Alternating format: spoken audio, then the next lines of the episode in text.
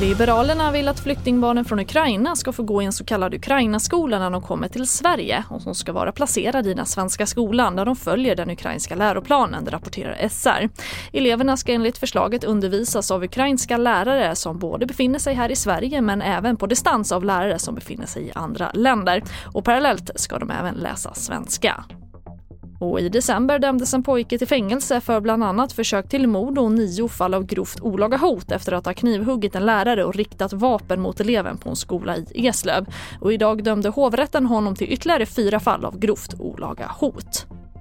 Och vi avslutar med att ett orange dis täcker himlen i vissa delar av Europa. Orsaken är kraftiga sandstormar från Saharaöknen. Och enligt TV4s meteorolog Lasse Rydqvist kommer större delen av Sverige få uppleva väderfenomenet även om det inte blir lika omfattande som i södra Europa. Det man kommer att märka av framför allt det är ju att eh, himlen kommer färgas lite grann. Framförallt så kommer solen att kunna färgas i en mer rödaktig färg.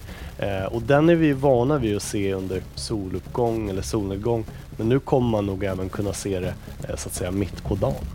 Och vill du se bilder på det här kan du klicka dig in på tv4.se. Jag heter Charlotte Hemgren.